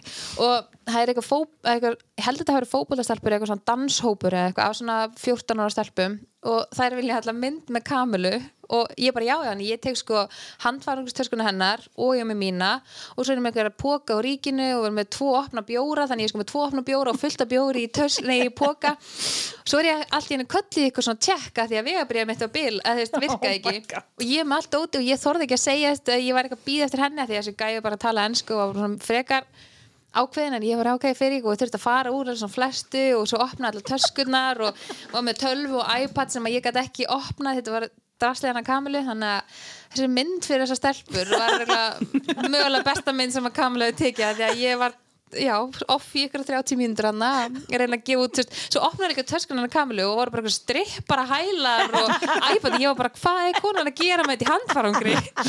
Við vorum með Oh risa tösku sem fór henni vel, þannig að það var mjög skemmtlegt að reyna útskýra stripparhæla sem ég passa ekki eins ný.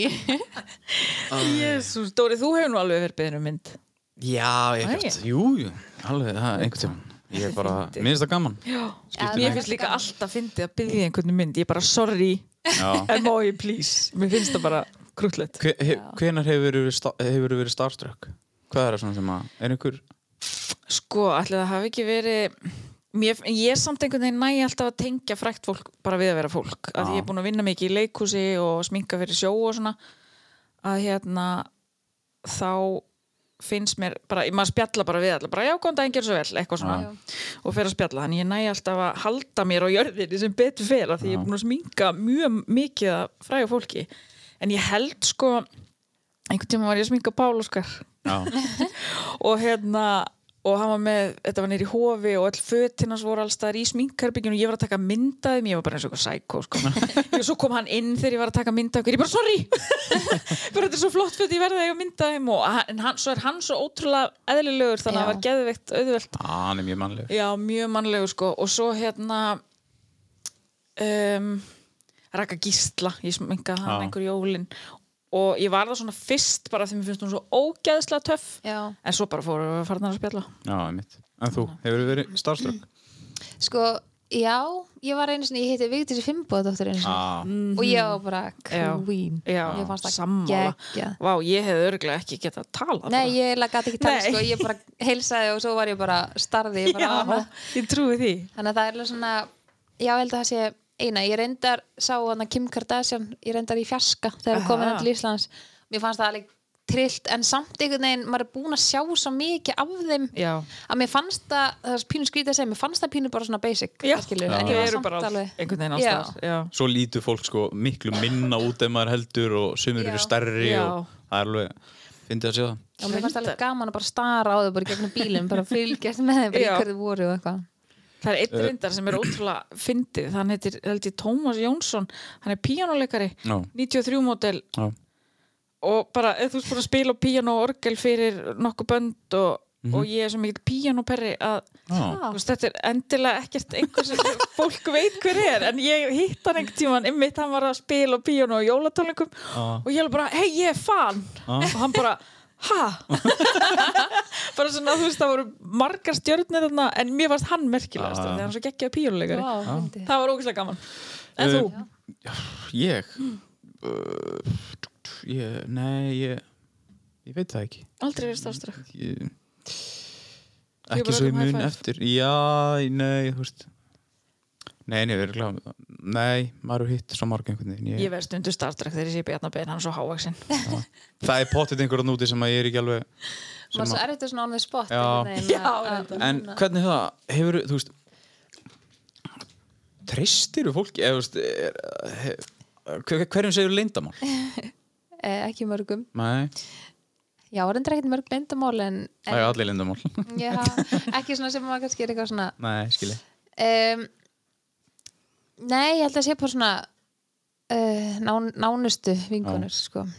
Já, sko, ég fór að hugsa um daginn, leyndamál í dag eru bara eiginlega ekkert þau eru, þau eru ekki lengur leyndamál það er, mér finnst orðið einhvern veginn þannig þegar maður segir einhverjum eitthvað, þá finnst mér bara svo allir vita Já. það, þetta var miklu meira eins og bara, herru, ég segja rétt og bara, mér finnst þetta orðið svo miklu meira bara, ég ætla að segja rétt, já, en ég veit samt sem aður að þú ert að fara að segja fimm manns þetta. já, já samt, þannig vinkonur eins og hérna, já, bara svona mína nánustu eru þannig að ég veit, veist, ég veit eins og ég myndi sé heiti sig og ég held að mynd- það myndi bara fara með henni gröfuna eða mér líður þannig. já. og ég á alveg þrjár, svo- eða þrj- þrjár fjórar svoleiðis vinkonur sem ég bara svona veit ég myndi geta treyst bara 100% af því að maður upplega líka þannig þegar maður tala við fólk þeir sem að slúður ókslega mikið í mig. Já. er eitthvað sem ég myndi aldrei segja.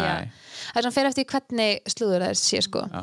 Þannig að, já, maður Það svona er svona ógæslega fyndið, við höfum öll gert það, við höfum sagt, sko, nú ætlum ég að segja svolítið, en þú mátt ekki segja það. já, já, svo líka fyrir leyndamáli svolítið eftir hvernig það sé sko algjörlega alvarleikin og Já, allt þannig svolítið, sko. það er svolítið svona Svo mitt leita maður, sko, kannski ég mitt til ekki alveg þess næsta, ég myndi til dæmis alveg leita, og ég hef leita til þín með eitthvað sem að ég þóri kannski, eða vil ekki segja öllum. já, Og þú veist, að ég veit einmitt að þú ferð ekki með það. já, Þú veist, þó, þú sést ekkit endilega bara svo fyrsta sem ég ringi.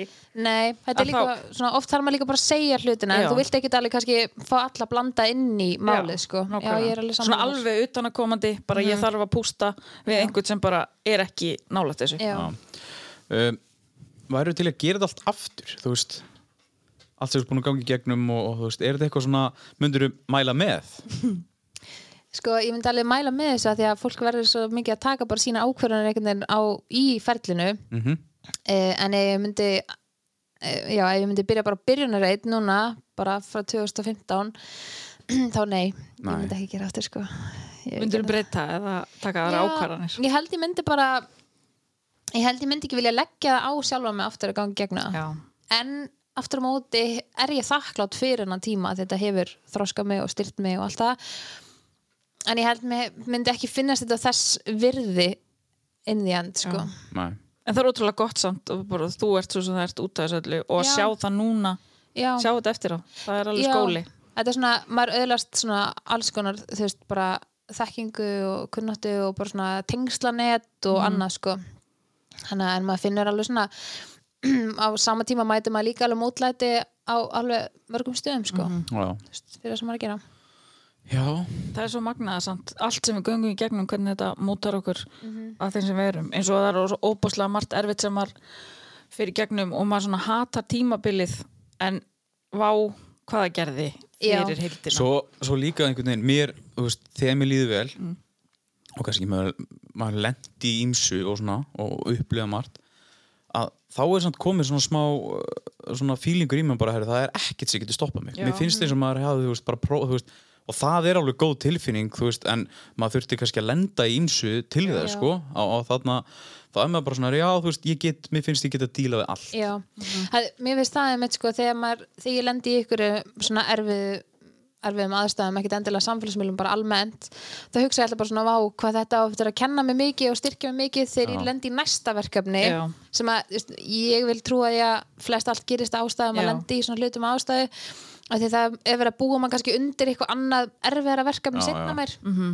þannig að ég hugsa það alveg og bara margt sem að mér fannst bara óyfirstíganlegt fyrir kannski fjórum ár síðan lendi í dag myndi ég bara pff, Já, einmitt, einmitt, ég, þú veist, ég tengi við þú veist, eins og þegar maður var her, uh, bara þegar maður var að, að gera eitthvað, það var eitthvað stórt að gerast fyrst og maður var bara, herri, shit, hvað þetta er erfitt. Já. og svo allt í einu bara, þú veist, ef maður kannski fara að gera eitthvað svipað aftur og þá bara, þetta var ekkert erfitt. Já, þetta Já. verður ekkert mál. Nei, hvað, akkur, hverju var ég að kvíða eiginlega, eða, þú veist, en þá má maður líka ekki vann með þetta sko, þú veist, bara þroskan og bara styrkin sem maður fekk út úr hinnum aðstöðunum, Nei, skilju, einmitt. mér finnst það alveg svona maður verður líka að pínu svona að vera duglegur að hrósa sjálfum sér og bara Já, svona, akkurat. ég er komin á þennan stað ástæði og bara ég til dæmis horfði bara á börni mínu og bara, vá, þú veist, ég á bara tvo geggja það einstaklinga sem ég bara, þú veist, bara, já, komin hann heim og bara búin að ala upp og allt það, svona þá líka fyllist maður pínu svona einhvern veginn stolti og bara svona þakklæti og mér finnst það oft svolítið gleymast þú veist, við erum svo mikið ofta bara hvað langar mér í næst og hvað ég ætla að gera svona og þarna og þarna? En ekki njóta þess bara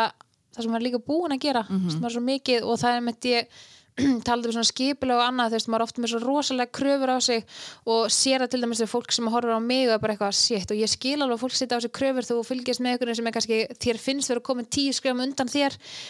En ég er ekki sömu aðstæðum og svo manneskja, þú veist, og ég er að gera bara alltaf aðra hluti heldur en þessi manneskja og þá fannst mér ógslag þægilegt eftir að ég byrja að gera svona öfuga lista að skrifa ekki bara ég ætla að gera þessi fimm atri í dag heldur ég skrifa í allt sem ég gerði í dag. Já. og það eru kannski 15 hlutir sem annars bara fannst mér ekki gera neitt. Já, já, og þá er ég bara svona, vá, djöð var ég döli í dag ég þarf ekki að þetta gera er meira. ógeðslega sniðut þetta var í, hérna, í meðferð hjá mér. Þá hérna var ein sem að segja ég ger ekki neitt rétt og ég er ekki búin að gera neitt af þessu sem þær sögðu og lala en þá sagði ráðgjæðanum minn bara en hvað gerður? Þá gætt hún nefnt eitthvað Já. það er svo, ég stundu notaði Google Calendar Já. og svo ef ég myndi fara yfir mánuðin hjá mér því ég Já. lita, þú veist, kóðan að þá bara, herru, hvað djúvel, gerði ég mikið, og maður gerir sér eftir grein fyrir hvað maður er að stúsast allan daginn. En þarna finnst mér líka að það var að tala um svona oft fólk er að tala um að þú veist, þau hugleiða og vera svolítið meira bara svona í núinu og njóta þess tíma sem er núna. Já. og mér finnst það alveg svolítið svona að kenna mér að þú veist að bara svona ok, hvað gerði ég í þessari viku? Og bara fyrir að skoða bara, vá, ok, þú veist að það er ekki svona róar mann að því að maður er einhvern veginn alltaf sem er líka alveg gott að mann er langi að standa sér betur og ná betri árangri í ykkur hlutum, þú veist, það er alveg líka en, en hitt má heldur ekki gleymast og líka bara, ég fæ það mikið í skilabóðum sem að ég fæ í gegnum samfélagsmeila fólk bara, þú veist að duðlega þessu ég var svo mikið til að hérna, ég var svona svona svona. Ég bara, en hvað er um þetta þú búin að gera í dag? Skilur, akkur pröfa þú ekki að skrifa um að lesta fyrir sjálfa? Og þá er er fólk oft svona, já, þú veist, mm. örgulega margir bara gert miklu meira heldur en ég, sko. Já, En það má heldur ekki gleymast að þú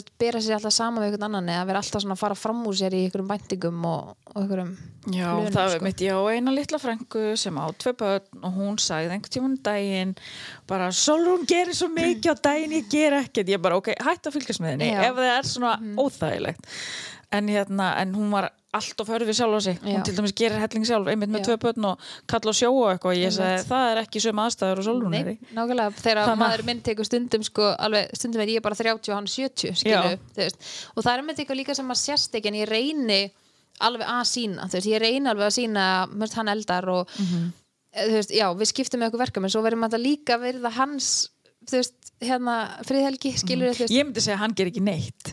Ég myndi nýta tækifærið og segja bara að ég ger allt. Hann er umlegur ég er bara svo Jó. stolt af því að eiga mann sem að því fólk er bara eitthvað, ég er svo heppin að hann gerir þessa hluti, þetta er jafn mikil hlutin hans og mínir, Já. skilur, og við erum algjörlega 50-50, sko, Nákvæmlega. það er bara það er draumur, sko, ég get ekki verið með sjómanni, sko, ég Nei, get alveg sagt það reynd nákvæmlega. út, þannig að mér finnst það bara aðdánavert að það er er konur eða menn sem eiga maka sem eru á sjó, bara Já, og bera sig mitt við aðra í allt öðrum aðstæðum. Þetta Já, er bara, maður má þetta ekki sko. nei, já. Þetta er búið að rosa gott spjall. Ég sagði þér að hún væri geggju Ég vissi það. En var gett Ég ætla að efins. koma Það er ég nú ekki alveg viss með hennan uh, En þannig að Einn bara svona létt og, og, og sko og laggóð uh, hvort myndur vilja lifa aftur upp frá 6 ára upp í 16 ára eða 16 upp í 30 Ok, wow, ég held 6 upp í 16 Aha. það hitt er ennþá svo fest í minninu. Já, ég held hitt sko. Ég átti líka alveg mjög góða æsku sko þannig Já. já, ég held ég verið til það og vera kannski margt svona oft í hugsa hvað myndi ég segja við litlu mig þá, Einmitt. margt sem maður myndi kannski vilja taka reynslu þangað og svona já, kannski bara vera samkvæmur sjálfur sér og bara svona hafa meiri trú á mér að já, vera til að lifa þau tíu ára aftur. Já, Ég get ekki þess að dauður rós lengur. Hún átti þess að strítu samanlun daginn. Já, og ég hérna ætlaði að gefa henni gjöf og, og hún var hérna síðast helgi og ég misti af henni og rósinu dauð. Já en þetta er samt þarna Þetta er bara svona þurrku blómar núna. Já, þetta er nýtt. Uh, Erum við ekki bara að verða góð Ég eða held hvað? það. Já, Mér finnst þetta bara, jú, bara Uh, komum inn á margt og gott og takk fyrir að já koma. uh, bara takk fyrir að fá mig. þessi þáttur hann var í bóði Lemon. Uh, þau standaði baki á okkur uh, X-Mist, þú notar X-Mist? Já, Já, hvernig þér X-Mist? ég elska það sko? Já. Uh, Höllin og, og þarna Glow Up. Þau tekið upp í podcaststúdíu Akureyrar. Uh, Við þökkum fyrir okkur og þökkum Solrún Diego kærlega fyrir komuna. Ég læriði margt og djúðlega gaman að spjalla við. Og hún er mannleg þessi. Hún er ekki vélmenni. Þökkum fyrir okkur í dag, bannað að dæma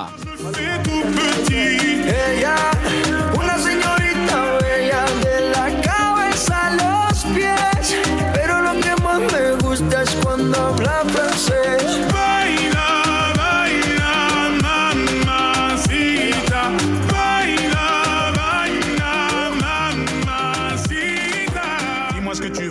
ce que t'attends de moi. Je t'ai vu apparaître et disparaître.